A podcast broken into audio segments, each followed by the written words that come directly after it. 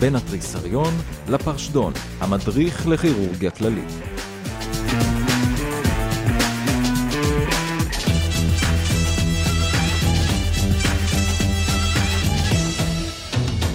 שלום לכולם, ברוכים הבאים לפרק נוסף של המדריך לכירורגיה כללית. אני רועי אנטבי, איתי נמצאים דוקטור מוטי קורדובה ודוקטור אמרי עמיאל. היום אנחנו נתמקד במחלות מעי דלקתיות. אנחנו יוצאים מנקודת הנחה שלמדתם על מחלות קרון ו ulcerative colitis, בלימודים הקדם קליניים, בסבב בפנימית, ולכן אנחנו נתמקד כמה שאפשר בהיבטים הכירורגיים. אז אה, כרגיל נפתח עם שתי שאלות מתגלגלות ממבחנים בעל פה של אוניברסיטת תל אביב, ובסוף פינת הטריוויה שלנו, שתהיה האזנה נעימה. במסגרת תוכניתנו הכה את המומחה, נמצא איתנו באולפן המומחה שלנו לענייני קוסמטיקה. הכה את המומחה, עם דוקטור אמרי עמיאל. בת 28 פנתה למיון בשל כאבי בטן, חום גבוה ושלשולים ריריים דמיים מרובים מזה כיומיים.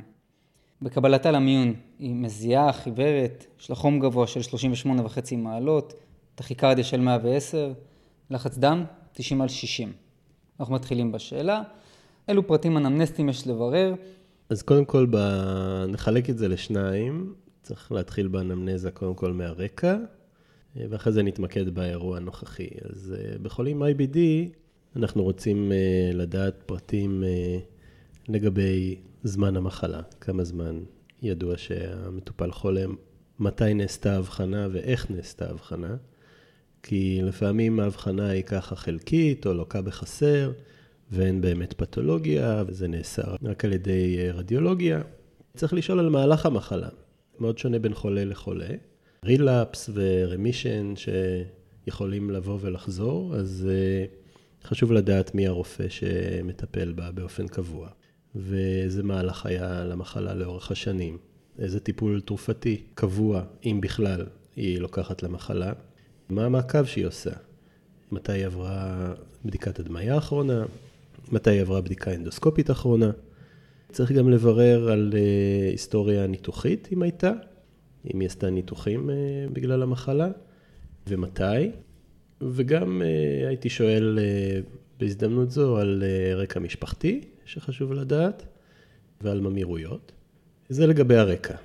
לגבי האירוע הנוכחי, זה החלק השני, צריך לשאול אה, מתי התחיל האירוע הנוכחי, צריך לשאול אה, לגבי הטיפול התרופתי הנוכחי שהיא מקבלת והאם היא ממשיכה אותו.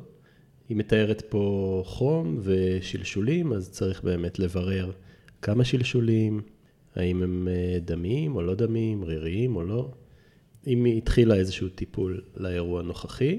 עוד אה, שני דברים שתמיד שווה לשאול, בטח חולי IBD, ראשון, אה, תסמינים אקסטרה אינטסטינליים, מניפסטציות כאלה ואחרות, ולמרות שהשאלה מכווינה אותנו למטופלת עם IBD, צריך לשאול גם את כל האטיולוגיות האחרות, לקוליטיס ושלשולים דמיים כמובן, טיולים, אוכל וכן הלאה. אז המטופלת, אחרי ששאלנו אותה, אומרת לנו שיש לה, שיש לה ulcerative colitis כבר שלוש שנים, היא מטופלת ברפסל. מבחינת בדיקה פיזיקלית, כמובן שעושים בדיקה כללית ומקיפה, כולל מה שהזכרת על אה, מניפסטציות אקסטרה אינטסטינליות, אבל נתמקד אה, כרגע בבטן. חשוב אה, גם להסתכל על הבטן, לראות אם היא תפוחה, לנקש אותה, לראות אם היא טימפנית, לעשות מישוש, לראות אם יש רגישות, אם יש סימני גירוי צפקי. כל זה נאמר כשאני מנסה לחשוב האם מדובר במי תפוח או האם מדובר בפרפורציה, צריך לראות מה, מה בבדיקה הגופנית תומך בכל אחד מהסיבוכים האלה, וכמובן בדיקה רקטלית, אם ניתן, לסיום הבדיקה. זה ממצאים שמתארים לנו, הם כניסת אוויר טובה ושווה, בטן מעט תפוחה, טימפנית, נהיה מופחת, יש לה רגישות בטנית דיפוזית ללא סימני גירוי צפקי. ב-PR יש uh, שאריות שלשול עם דם טרי. אז השלב הבא, כמובן, אנמנזה, בדיקה גופנית ובדיקות עזר. בבדיקות המעבדה של ההמוגלובין הוא 9, תסיות 400,000, לוקוציטוזי של 16,000, CRP 12, אלקטרוליטים של הסך הכל תקינים וקריאטנין 1-2, אלבומין 2-3. מה החריגות המשמעותיות במעבדה, בערכים שציינו לנו? אז אפשר לראות שיש פה סימני דלקת מוגברים, זה כמובן תומך בזה ש... יש כרגע תהליך אה, דלקתי בבטן, ובנוסף, כמו שהיא מתייצגת עם, אה, בעצם עם ספסיס, ואולי אפילו עם שוק ספטי לפי הלחץ דם שלה, אנחנו רואים גם את אה, שאר מערכות הגוף מגיבות, קרטינין עולה, האלבומין יורד, ההמוגלובין יורד, מה שגם יכול להיות קשור לשלשול הדמי שלה. כן, חולה קשה. כמובן שגם תמיד צריך להשוות את, בדיקות, את הבדיקות הנוכחיות, כמובן, כאשר אפשר, לתוצאות הקודמות. כלומר, המוגלובין 9, תמיד יש לה, או שהיא מסתובבת עם מוגלובין 14 ופתאום היא מגיעה עם מוגלובין 9. לראות את הדינמיקה, כי זה לא תמיד רק המספרים. אז מה ההבחנה המבדלת שלנו? שוב, יש לנו את המטופלת עם ההתייצגות הזאת, שאומרת לנו שיש לה ulcerative colitis, מה ב DD שלנו? מבין המצבים המסובכים של ulcerative colitis, הדברים שאנחנו דואגים אליהם זה בעיקר fulminant colitis, toxic megacolon ודימום מסיבי. שזה גם בסדר השכיחות. הקוליטיס הפולמיננטית זה בעצם מצב דלקתי חריף, שהחולה בהחלט יגיע, יכול להגיע עם חום גבוה, טכיקרדיה, כאבי בטן קשים, רגישות, סימני מעבדה דלקתיים, יכול אפילו להגיע עם שוק ספטי, כמו שהחולה הזאת הגיעה. וזה כמובן מצריך טיפול דחוף והדוק, רפואי ולפעמים גם כירורגי. וטוקסיק מגה-קולון זה בעצם התנפחות מאוד משמעותית של הקולון עד כדי פרפורציה לפעמים. במצב הזה הייתי מצפה לראות בטן מאוד תפוחה, ונוכל אולי לקבל גם רמזים בהדמיה אחר כך. לגבי דימום מסיבי, זה פחות שכיח, פחות מחמישה אחוז מהמקרים הדחופים שמובילים לניתוח, ופה נשמע שהדם הוא בעיקר קשור לשלשול שלה, וההמוגלובין שלה בסך הכל לא מאוד נמוך. אז בעצם כמו הרבה מקרים שאנחנו רואים במיון, אנחנו תמיד צריכים לשאול את עצמנו יש משהו דחוף, וכל מה שדוקטור מיל תיאר עכשיו זה דברים דחופים שמצריכים רובם התערבות כרגע, אז תמיד אנחנו צריכים לשאול את הדברים האלה. מה השלב הבא? ראינו את המעבדה, ראינו, עברנו להיסטוריה וכן הלאה, אנחנו מתקדמים להדמיה אני מניח. אז כרגע ב setup של המיון, אני הייתי מתחיל בצילום בטן, רק לשלול פרפורציה, או לפחות לראות באופן גס את, ה, את המעי הגס. ובהמשך הייתי מתחיל טיפול וממשיך בהדמיה מתקדמת באשפוז כבר CT או MRI וגם אנדוסקופיה. דוקטור מייל, מה בנוגע להדמיה פולשנית במצבים של התייצגות טוקסית? האם יש איזושהי סכנה להתקדם לקולונוסקופיה במתאר האקוטי? אז קולונוסקופיה פורמלית היא בדיקה שבאמת יכולה להיות מסוכנת במעי שהוא במצב מודלק, גם בגלל העיקולים שיש בקולונוסקופיה ובעצם המנוברות שצריכים לעשות עם המכשיר, וגם בגלל הניפוח של המעי, וגם כל תהליך הריקון שלו הוא בטח לא קל לחולה במצב הזה, אבל כן אנחנו צריכים לזכור את הרירית, ולכן אפשר להסתפק בבדיקה קצרה, שנקראת סיגמוידוסקופיה, שזה הכנסה של המכשיר ל-20-40 סנטימטר, אין צורך בהכנת מעי קודם. גם אין ניפוח משמעותי של המעי במקטע הזה, וניתן להעריך את הרירית, לראות עד כמה היא סובלת ואיזה מדרג מיו היא מקבלת. אז דוקטור עמיאל, אתה ציינת שצילום בטן, הוא יעזור לנו לראות את המעי הגס באופן גס, אז בעצם מראים לנו פה תמונה של צילום בטן. יש פה שלושה ממצאים בולטים לעין שממוספרים. במספר אחד אנחנו רואים מה שנראה כמו קולון, שנראה שם בעצם את הפינגר פרינט סיין. כן, זה בעצם אה, התבלטות של האוסטרות בגלל בצקת של המעי. עכשיו פה מראים עוד אה, שני סימנים, שאחד מהם זה לולאת אה, מעי דק, שהיא קצת אה, מורחבת, כאן זה תגובתי, וגם העקבה קצת בדיסטנציה, אבל באמת קשה לדעת. יש עוד סימנים שאנחנו מחפשים במקרה של אה, מטופל או מטופלת עם מחלת מעי דלקתית, אנחנו מסתכלים על הצילום, מה חשוב לנו לזכור? אז אנחנו צריכים לראות אם המעי מורחב או לא. אנחנו יכולים לראות סימן lead pipe, שזה בעצם אובדן של ההאוסטרוט במעי שהוא כבר חולה הרבה זמן, ואולי כבר התעייף, והוא ללא פריסטלטיקה, ויש שם אובדן של הצורות של ההאוסטרוט על המעי הגס. כמובן שצריך להסתכל, לראות שאין אוויר חופשי, או סימנים מדאיגים אחרים. אז לסיכום, אחרי שעשינו את כל העיבוד הזה, מה ההבחנה של החולה? מה, איך אנחנו קוראים למצב שבו היא נמצאת? אז החולה בעצם מדגימה פה מצב שנקרא fulminant אה, או toxic colitis, שזה הסיבוך המשמעותי החריף, השכיח של אה, מחלת ulcerative colitis, שהוא דורש טיפול באשפוז, ייצוב של החולה, טיפול בספסיס, וטיפול מאוד אגרסיבי בדלקת או בזיהום, תלוי במה, במה אנחנו מטפלים. לפעמים לא כל כך ברור ואנחנו צריכים לטפל בשניהם ביחד. ואם הטיפול הרפואי לא, לא צולח, אנחנו לפעמים מתקדמים לניתוח גם בשלב החריף. אז השלב הבא בשאלה, המטופלת עלתה למחלקה והתאשפזה. עכשיו מבחינת, ה... מבחינת הטיפול שלה, אנחנו גם מטפלים, כמו שהוזכר, באנטיביוטיקה וסטרואידים, טיפול תומך, זאת אומרת נוזלים, אה, אנלגטיקה, תרופות גבוהות וכן הלאה. תמיד יש פה את העניין של אה, כן כלכלה, לא כלכלה. רק לציין, תמיד יש את האופציות של TPN והזנה פרנטרלית, אבל תזכרו שכמו שהספר אומר, אם למטופל יש מערכת עיכול עובדת, תשתמשו בה. והחולה אצלנו יומיים במחלקה, ואין שינוי בקליניקה למרות הטיפול. כששואלים אותו, אומרת שיש לה בערך 12 שלשולים ביום, עדיין ממשיכים כאבי הבטן, כשאתה מסתכל על המדדים עדיין חום גבוה, ובדיקות מעבדה לא השתנו יותר מדי. איך אנחנו נוהגים ככה אחרי 48 שעות בעצם של טיפול שנכשל? צריך להגיד שיש כמה קווים של אה, טיפול אה, אימונוסופרסיבי שאפשר לתת. הפלס תרפי בסטרואידים הוא בדרך כלל הטיפול הראשון שנוהגים בו, הם משתמשים בהידרוקורטיזון IV במינון המקסימלי, עם אה, תוספת של הגנה לקיבה והגנה מאירועים טרומבואמבוליים וכולי, אבל אנחנו מצפים שתוך 48-72 שעות נראה איזשהו שיפור, אם לא, ניתן לעבור לקווים אה, של טיפול אימונוסופרסיבי נוספים, כמו ציקלוספורין, ואפילו לשקול תרופות אה, ביולוגיות, מה שנקרא אנטי-TNF, אבל אה, אם אנחנו רואים שהטיפולים האלה לא, לא צולחים, אז צריך להציע לחולה ניתוח בשלב החריף. דוקטור עמיאל, תוכל לתת לנו דוגמה לסוג מסוים של אנטיביוטיקה שמשתמשים בה ומה המינון הסטרואידלי המקובל? זה מידע שמשתנה ממוסד למוסד, אבל אנחנו כן ממליצים לסטודנטים שלנו לבחור משלב אחד ולדבוק בו, כי זו שאלה שנשאלת.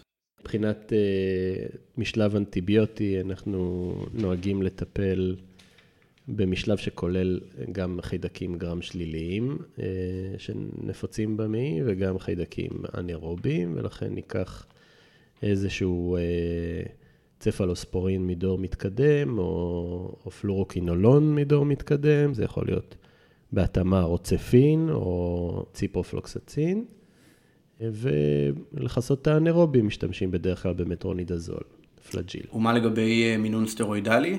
בשלב הלא חריף אפשר לקחת סטרואידים אה, גם בכדורים, פירוס, כמו פרדניזון. בשלב החריף אנחנו מעדיפים את הטיפול לווריד. מבחינת המגוון שניתן לתת אה, IV, אז יש לנו הידרוקורטיזון, סולומדרול ודקסמטזון. בדרך כלל אנחנו משתמשים בהידרוקורטיזון במינון המקסימלי של שלוש מנות של 100 מיליגרם לאורך היממה. ספציפית לגבי ציקלוספורין ואנטי-TNFים, הם מעולים כקו שני למחלה אה, שהיא סביר והיא רפרקטורית לסטרואידים. ציקלוספורין אפילו הוא כל כך אה, יעיל, שאם תקראו בסאביסטון הם מציינים שם שכישלון של ארבעה ימי טיפול על ציקלוספורין הוא בעצם מהווה אינדיקציה לניתוח. אבל גם לא לשכוח שהתרופות האלה יש להן תופעות לוואי מאוד קשות שהן תלויות מינון ואורך טיפול. אז כמו שהזכרנו, בעצם יש פה כישלון טיפולי ואנחנו אה, מחליטים להתקדם לניתוח. מדברים עם החולה, ומה אנחנו מציעים לה בעצם? איזה ניתוח? במצב חירום כזה, התפריט שלנו מאוד מצומצם. העסקית לחולי ulcerative colitis כוללת כריתה תת-שלמה של המעי הגס, מה שנקרא subtotal colectomy, או אם נרצה, אפשר גם לקרוא לזה total abdominal colectomy. עניין קצת של סמנטיקה ועד אה, כמה נמוך אנחנו מגיעים באגן, אבל כעיקרון אנחנו מסלקים את הקולון מה ileocecal valve ועד בעצם ל promontorium, אה, ל plica של הפריטונאום בואכה האגן הקטן. הניתוח צריך להיות, אה, הוא ב setup דחוף, הוא צריך להיות אה, מהיר ויעיל, עדיף להיכנס פה לבטן בגישה פתוחה. אין צורך לעשות דיסקציה של בלוטות לימפה ולרדת לשורש המזו. בעצם אנחנו נכרות את המזו בסמוך למעי, וגם אה, כמובן שבמצב כזה שהחולה, כמו שהחולה הזאת מתייצגת, במצב שהוא לא יציב המודינמית, אין פה טעם אה, להתעכב לאנסטומוזה, מוציאים end ileostomy. פשוט אנחנו מרחיקים כמה שיותר מחלה ודלקת מהגוף, ונותנים לגוף להתאושש. זה הרעיון מאחורי ניתוח הזה. בהנחה שיש גם פרוקטיטיס חריפה, אז שהרקטום גם מעורב, אתה גם תכרות אותו, שבכל מקרה אתה, אם החולה לא יציבה המודינמית, או שהמצב הימי לא מאפשר, אתה תעשה עדיין אה, colectomy, תשאיר את ה stump של הרקטום סגור, ומקסימום תטפל בו אחר כך, תכרות אותו אחר כך, תשיק אותו אחר כך, או מה שלא יהיה. אז אתה צודק לגמרי, מוטי. אנחנו לא נכנסים לניתוח שמערב את הרקטום, למרות ש... כמו שאנחנו יודעים, ב ulcerative colitis הרקטום תמיד חולה, המחלה מתחילה מהקצה הדיסטלי והלאה. תוספת של ניתוח אגני מאריכה את הניתוח, מסבכת את הניתוח, אנחנו לא מתעכבים לזה, אנחנו מוציאים בלק גדול של מחלה ומשאירים את, ה, את הרקטום בפנים. זה נכון שאנחנו לפעמים נתקלים במה שנקרא difficult rectal stump. מעי שם מאוד בצקתי, מאוד קשה לסגור אותו. לפעמים אפילו לא ניתן לסגור אותו, וזה לא, אין בזה פסול, כלומר, זה חולה שהוא בדרך כלל אה, מוכן, או בצום, או שלשל, וכבר אין לו הרבה צואה. אנחנו מנס, עושים את מיטב יכולתנו לסגור את, ה, את גדם הרקטום בגובה הפרומונטוריום, ובורחים משם. מה שיקרה איתו אחר כך, הוא ימשיך כמובן להיות דלקתי, אבל העומס הדלקתי על הגוף הוא קטן בהרבה, ו... והחולה בדרך כלל מתאושש. והשקה, אין, אין כמובן מה לדבר בשלב הזה. עכשיו, החולה במקרה הזה היא לא יציבה המודינמית, אז אנחנו נלך כנראה על ניתוח פתוח, אבל בחולה כשהוא יציב המודינמית, אין בעצם, גם הניתוח הוא נקרא לו סמי אלקטיבי, סמי דחוף, אין שום מניעה מ... מלבצע בעצם ניתוח בגישה לפרוסקופית, נכון? זה לא משנה את התוצאות, כל דו יציב. נכון, אפשר לקחת את החולה לניתוח לפרוסקופי, אפילו זה ניתוח מאוד אלגנטי, מכיוון שבעצם החולה לא- נשאר ללא שום חתך בגוף. החתך שבו אנחנו מוציאים לרוב את המעי, הוא החתך שדרכו תצא גם הסטומה, בעקבותיו. בעצם מנתקים את, ה... את המעי הגס אה, מהרקטום, מנתקים את המזו שלו, מושכים אותו החוצה דרך חור שתכננו מראש בבטן ימנית תחתונה, עד שמופיע לנו המעי הדק, ושם חותכים אותו ומפתחים איליוסטומי. החולה צריך להיות uh, במצב יציב בשביל זה, וגם המעי צריך להיות uh, מספיק uh, עם היענות טובה, כלומר, מעי מאוד תפוח, לא יאפשר לנו גישה לפרוסקופית לבטן, מזו מאוד בצקתי, יכול לדמם בקלות. אז צריך לקחת, לעשות פה סיכון מחושב. אם המעי לא מאוד חולה, והחולה יציב, אז אפשר לקחת אותו לניתוח לפרוסקופית. החולה הזו, שהיא לא מאוד יציבה, והמעי שם נראה מאוד uh, עצבני וכועס, אני לא הייתי... הייתי נזהר פה והייתי הולך בגישה פתוחה. זה במצב שהוא מצב סוער ודחוף. יש אה, ניתוח שהוא ניתוח הבחירה בחולי ulcerative colitis. שנקרא להם אלקטיביים, שזה בעצם ה-total proctocolectomy with ileal pouch anal anastomosis. כן. מה ככה בשתיים, שלוש מילים מה עושים בניתוח הזה? במצבים לא דחופים, יש בעצם איזה שתי סיבות עיקריות שחולים עם ulcerative colitis מגיעים לניתוח, וזה, אחד זה מחלה אינטרקטבילית, מחלה שלא ניתנת לשליטה עם טיפול תרופתי, או שהחולים תלויים בעצם ב... בתרופות כמו סטרואידים שגורמות להרבה תופעות לוואי. ומצד שני, יש לנו בעצם אה, גילוי של איזשהו ממצא ממאיר או קדם ממאיר כמו דיספלזיה, ואז במעמד הזה אנחנו בעצם עושים ניתוח דפיניטיבי שמסיר את כל רירית הקולון. מהקו המשונן, הזיליין באנוס, ועד האיליוצקל ולב. אז הניתוח הזה הוא, כמו שציינת קורדובה, זה ה-total proctocolectomy, שזה ניתוח שאפשר לעשות אותו בעצם בכמה שלבים. אפשר לעשות את כולו במכה אחת בעצם, ולעשות השקה, או לעשות אותו בשלבים, להתחיל בכריתה של, ה, של הקולון הבטני, ואחר כך להשלים anterior resection, ובסוף לעשות השקה. ואפשר לעשות את הכל ב...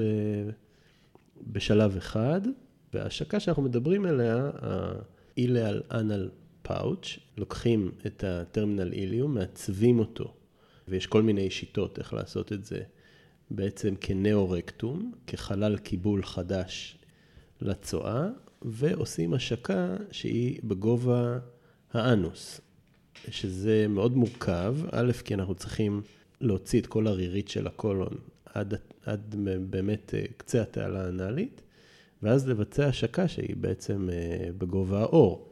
וזה באמת אתגר מכמה סיבות. א', המעי הדק, יש לו מזו קצר, וקשה מאוד להוריד אותו למרחק כל כך ארוך עד לאנוס. ושתיים, בעצם הביצוע של הפאוץ' הזה, מה שנקרא J-פאוץ', הוא גם מורכב מבחינה טכנית, ובעצם אחרי שאנחנו יוצרים את זה, מאוד חשוב בתחילה להגן על המבנה העדין הזה. אה, בדרך כלל נהוג להוציא איליוסטומי מטה או מגנה לתקופה של כמה חודשים, ואם התהליך הזה מצליח והפאוץ' הזה מתאחד טוב, אז אפשר לסגור את האיליוסטומי ולתת לבן אדם אה, אה, בעצם להתחיל להעביר פעולות מעי, שגם שם אחוזי ההצלחה הם לא אדירים. אה, צריך להבין שהאיש בעצם תלוי כל חייו בתרופות ממצקות. הוא מאוד מוגבל מבחינת הדיאטה, ותוצאה טובה נחשבת בין חמש לעשר יציאות ביום, שזה לא קל, אבל זאתי תוצאה טובה. מאידך יש תוצאות לא טובות של אנשים שמשלשלים עשרות פעמים ביום, ויש גם אנשים שמבקשים אחרי זה להחזיר את האליוסטומי למקומה. מה השיקולים שלך כשאתה צריך להחליט על סוג הניתוח? הבחירה בצורת הניתוח היא, היא תלויה בכמה גורמים. אחד, אה, בגיל של המטופל וביכולת הביולוגית שלו לעמוד בניתוח אה, גדול. אה, ושתיים, בתפקוד שלו ובעיקר בתפקוד הסוגרים שלו. לכן יהיו אנשים שיעברו רק את השלב הראשון של כריתת המעי ואיליוסטומי, ויכול להיות שלא יעברו עוד ניתוח, כי הם יהיו אה, זקנים או שבריריים מדי, אה, או שתפקוד הסוגרים שלהם לא היה מספיק טוב, ואילו באנשים צעירים, אה, יכול להיות שאני כן אבחר להמשיך לשלב השני, או שאני אעשה את כל השלבים במכה אחת. אה, אז זה, זה יותר תלוי במטופל ולא... בבחירה של הדרך הניתוחית או הטכניקה. וצריך להגיד שחולים שיש להם toxic megacolon, שזה לא המקרה שתואר אמנם בשאלה, אבל אה, חולים שהם מאוד מאוד ספטיים, אה, וחולים שהמעי שלהם ממש על, אה, על imminent perforation, כדאי לקחת אותם לניתוח בהול, ולפעמים לא ניתן לבצע ניתוח ארוך או הרדמה כללית, ואז אנחנו פשוט מוציאים סטומה, אה, colostomy דחופה.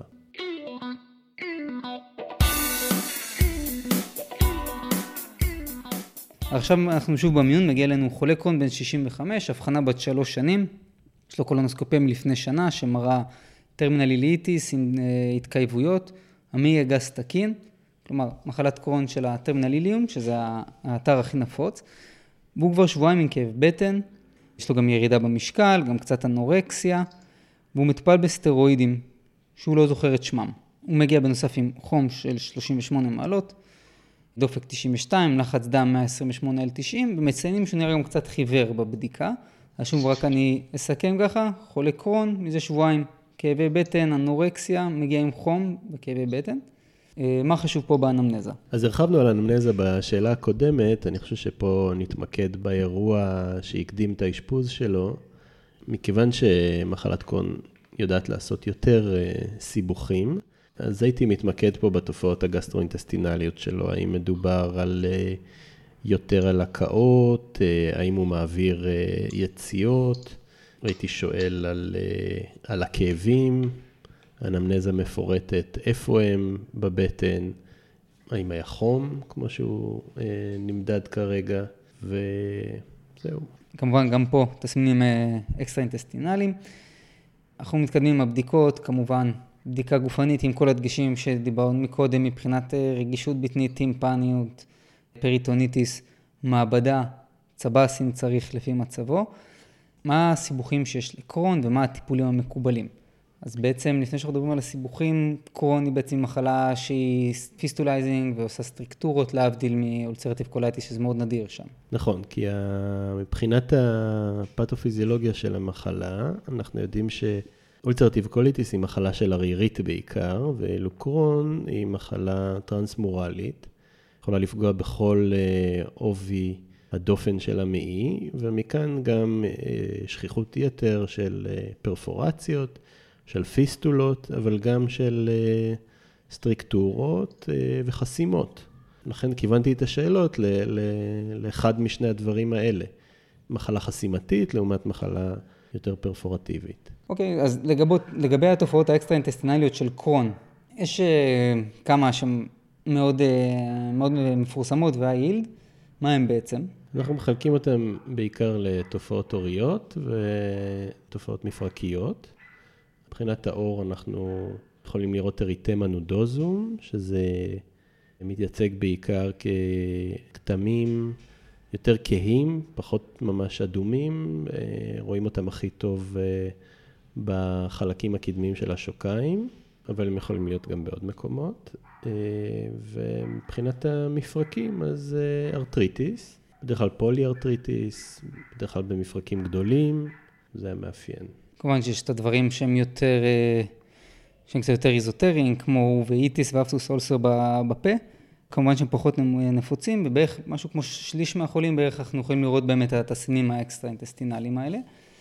נכון. ועכשיו מראים לנו שני צילומי בטן, כמובן בעמידה ובשכיבה. מה אתה רואה בצילום, דוקטור עמיאל? אז קודם כל אנחנו רואים אה, פלסי אוויר נוזל במעי, מעי דק אה, מורחב. שזה יכול לרמז לנו על איזושהי חסימה במעי, וגם ניתן לראות אה, בעצם פלס אוויר נוזל שהוא לא נראה קשור למעי, וזה יכול להיות אה, אינדיקטיבי לאבצס. ויש, ומה מה בעצם, אנחנו רואים פלס אוויר נוזל? מאיפה, איך הפלס הזה נוצר? אוויר מגיע לשם או מהחידקים שמייצרים אותו בתוך האבצס, או מהמעי, במקרה שהאבצס נוצר בעקבות פיסטולה. אמרתי, אז בעצם אנחנו רואים פה תמונה שמתאימה לחסימת מעידק, ועם האבצס, אנחנו לא יודעים אם זה נלווה או שזה הגורם. ואז הם אה, מציינים שבעצם חסימת המעידק היא בגלל היצרות במעידק. מה אנחנו עושים עם זה? קודם כל, החולה הזה, גם הוא הגיע ספטי, במצב לא טוב, נתחיל לייצב אותו, ניתן נוזלים, אנטיביוטיקה, נוגדי כאבים, צום, ונראה איך הוא מגיב לטיפול הזה. הטיפול באבצס אה, יכול להיות אה, שמרני עד כדי מתן של אנטיביוטיקה בלבד, אה, ולפעמים אנחנו נזקקים לעזרתם של ידידינו מה, מהאנגיו כדי לנקז אבצס. נשמור כרגע את הניתוח כאופציה אחרונה למקרה שהחולה לא יסתדר. המטופל שהגיע, הוא אומר שהוא מטופל כבר בסטרואידים. אנחנו צריכים להפסיק אותם, להמשיך אותם, הרי אנחנו רואים שיש אבצס אינטראבדומינלי.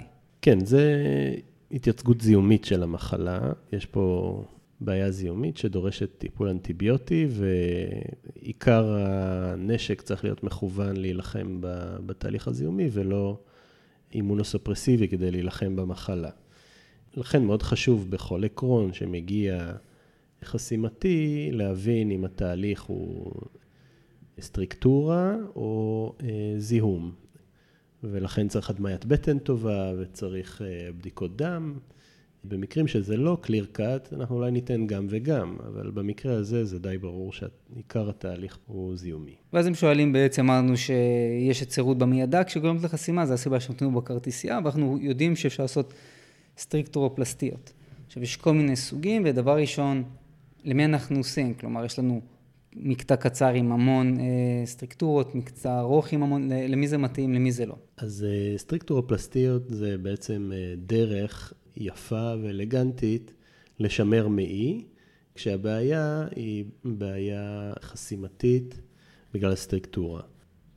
אנחנו יודעים שחולי קרון אה, נזקקים להרבה ניתוחים במהלך חייהם. בשיטת הסלאמי, כל פעם מקצצים עוד קצת, אבל אה, הרבה פעמים קצת יכול להיות די הרבה. והמטרה היא להציל כמה שיותר מעי. הסטריקטורופלסטיה נועדה לפתוח אזורים שהם מוצרים, יש כל מיני שיטות לעשות את זה. כמובן שאם המעי הוא, יש מקטע קטן עם מצירות קטנה, אנחנו יכולים לעשות סטריקטורופלסטיה אחת קצרה, ואם אה, מדובר במקטע ארוך עם אה, הרבה סטריקטורות, גם יהיה שווה להציל אותו ולעשות אה, אולי סטריקטורופלסטיה ארוכה יותר. הקצרה והפשוטה היא אייניקה מיקולית, שאנחנו מכירים אותה גם מניתוחים אחרים של הקיבה, של הפילורוס, זה בעצם לחתוך את המעי לאורכו ולסגור אותו לרוחבו. וככה אנחנו יוצרים הרחבה שמאפשרת אה, מעבר של האוכל. זו, זו שיטה שהיא מתאימה בעצם לסטריקטורות שהן קטנות מעשרה סנטימטרים. Mm-hmm. סטריקטורות שהן גדולות מעשרה סנטימטרים, נשתמש בפיני. נכון. חולי קרון, כמובן שבמצב שהוא אה, לא דחוף ומסכן חיים, שאתה צריך לטפל בבעיה שגורמת לו, איזה ניתוח בדרך כלל הם עוברים? אנחנו יודעים שאצל רובם המחלה מערבת הטרמינל איליום. מה יש לנו להציע להם? נכון, אז uh, החולים שמגיעים עם uh, בעצם דלקת uh, שהיא ממוקמת רק לטרמינל איליום, זו הסתמנות מאוד שכיחה, בעיקר החולים הצעירים. כן, פה אנחנו נתקלנו בחולה בן 65, אנחנו יודעים שזו מחלה עם התפלגות בימודלית, אבל uh, החולים הצעירים שהמחלה תוקפת אותם בעשור השני או השלישי לחיים, שהם בשיא ה... בשיא החיים שלהם אה, עומדים לפני אה, לימודים, הקמת משפחה וכולי. אה, דרך טובה לטפל במחלה היא לכרות את המקטע החולה. למרות שחלקם יכולים להתמודד עם טיפול תרופתי והם יגיבו אליו, אבל הם יזדקקו לטיפול ארוך שנים, שיכול להגביל אותם בתקופה היפה הזאת של החיים. אפשר להציע להם ניתוח שיכול לתת להם רמיסיה של שנים ארוכות. הניתוח הוא איליוצקקטומי, כריתה של מקטע מעי דק של הטרמינל איליום, שהשיטה שם היא פשוט לכרות את המקטע שנראה חולה מקרוסקופית בניתוח. אנחנו לא עושים אנדוסקופיה או נעזרים בהדמיה, אנחנו פשוט אה, מסירים את המקטע שברור שהוא חולה. כולל האיליוצק על וחלק קטן מהצקום. ועושים אנסטמוזה. גם החולה הזה בשאלה, למרות שהוא מגיע במצב אה, ספטי, אחרי אה, החייאת נוזלים וטיפול ראשוני במחלה, קירור של הדלקת, שיכול לקחת כמה ימים או כמה שבועות, אפשר להביא אותו לניתוח שהוא קורטיבי. הוא בעצם ייתן לו שקט, יכול להיות לתקופה ארוכה, וגם אם במחלה מעורב פיסטולה או איזושהי פרפורציה עם אבצס אה, אינטראבדומינלי, כן, אפשר לכרות את המקטע הזה עם המחלה שמסביבו ולהשיק אותו בתנאים שהם uh, טובים, אחרי שקיררנו אותו והוא חזר אולי לאכול והתחזק ושיפר את הסטטוס התזונתי שלו, והוא בהחלט ייהנה מניתוח כזה. זה נקודה שאנחנו צריכים לזכור, בטח בחולי IBD, בטח בחולי קרון, אנחנו יודעים שבגלל המצב של המעי שלהם, הם לא סופגים הרבה, בגלל זה גם הם משלשלים לרוב, בעצם זה שלשול אוסמוטי, תמיד צריך לטייב אותם תזונתית לפני הניתוח, כדי שכל ההשקות שאנחנו עושים אה, יחזיקו בעצם. אני חושב שנושא מרכזי אחד שלא נגענו בו, זה הנושא של מחלה פריאנלית בקרון. אה, כמה דגשים, דוקטור עמיאל, אה, כמובן בדגש על השינויים מבחינת הגישה הכירורגית. התייצגות הפריאנלית של מחלת קרון היא מאוד מורכבת, בניגוד ל... להתייצגות של חולים רגילים, so called, עם אבצס פריאנלי, ששם, אנחנו נדבר על זה בפרק אחר, אבל המנגנון הוא, הוא ברור לנו, וה... והאבצס הוא בדרך כלל פשוט, הוא פריאנלי, מה שנקרא, לא מורכב, ו... וניקוז הוא בדרך כלל פותר את הבעיה. בחולי קרון, האבצסים הם לרוב מורכבים, הם יוצרים לעיתים פיסטולות אה, עם מהלכים לא שגרתיים, ואנחנו יודעים שהתהליך הניתוחי, הניקוזי, הוא לא תמיד פותר את הבעיה, לפעמים הוא אפילו מסבך אותה. ולכן בחולים כאלה אנחנו נשאף קודם כל אה, לטפל אה, תרופתית, אנטיביוטית, בתהליך הזיהומי, ולאחר מכן בתרופות שהן אנטי-TNF, שאנחנו יודעים שהן מאוד טובות לתהליכים פיסטולריים, אה, וננסה לשמר את החולים האלה ללא ניתוח, וזה בניגוד לאנשים מן היישוב עם פריאנליים.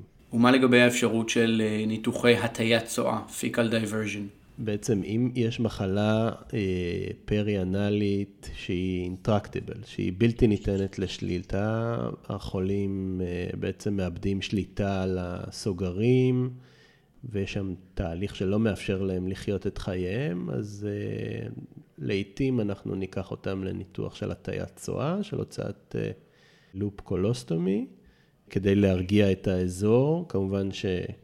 אם יזרום לשם אה, פחות צואה, אז יהיה פחות מרכיב אה, זיהומי בתהליך הזה. זה די נדיר, אבל אה, אנחנו רואים חולים שמגיעים לזה.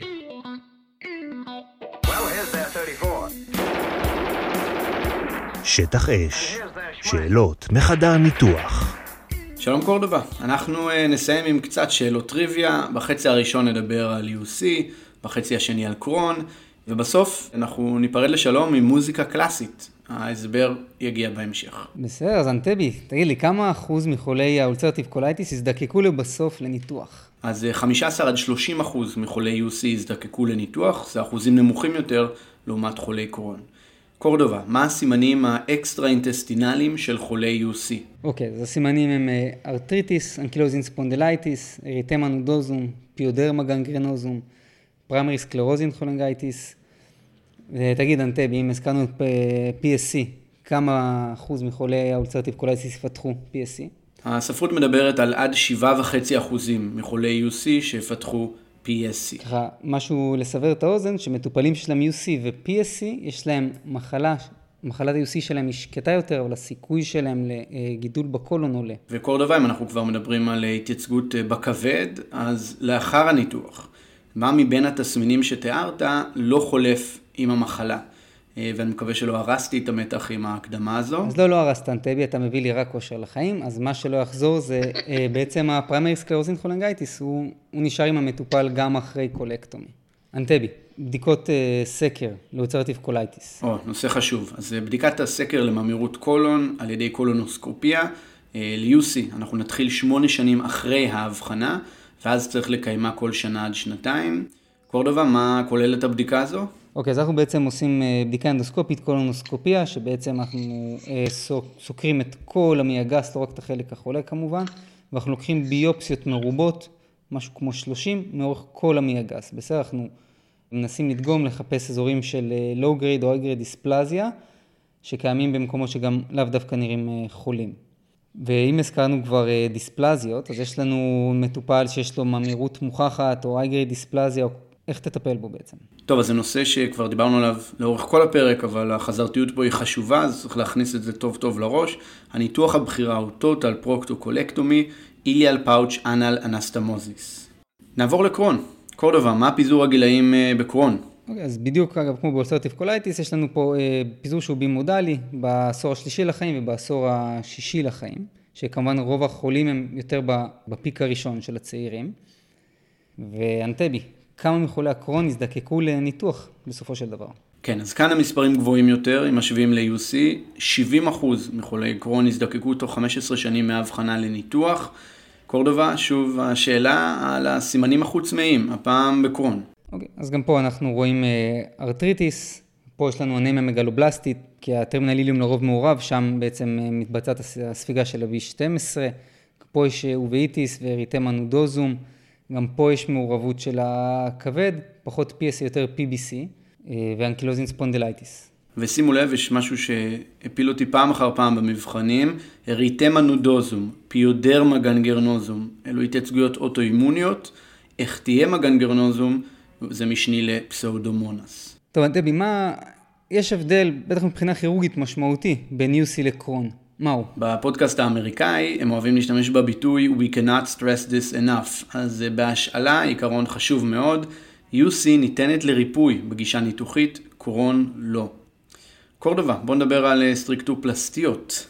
במקרה של היצרות קצרה, אנחנו מדברים על היצרות אה, של עד עשרה סנטימטרים, מה הניתוח המקובל? אז במקרה הזה אנחנו נשתמש ב strictureplasty על שם היינקה מיקוליץ. ואם יש לנו סטריקטורה בינונית? אז במקרה של סטריקטורה בינונית, 10 עד 20 סנטימטרים, פיני סטריקטורופלסטיה. ובמקרה של סטריקטורה ארוכה יותר, קורדובה, מה שם הניתוח המקובל? או, אז, אז תכין אותך, תכין את עצמך לזה. זה Michelassi side to side isoperistaltic strictureplasty. יהיה קשה מאוד להסביר את זה פה, אז פשוט אה, תראו בתמונות. אוקיי, okay, עד כאן עם השמות המפוצצים. עכשיו לאתנחתא היסטורית. קורדובה, מה אתה יכול לספר לי על הצמד חמד הזה, הייניקה מיקוליץ? או, oh, אז הייניקה הוא היה מנתח גרמני שהוא חי במאה ה-19. מיקוליש הוא היה מנתח פולני.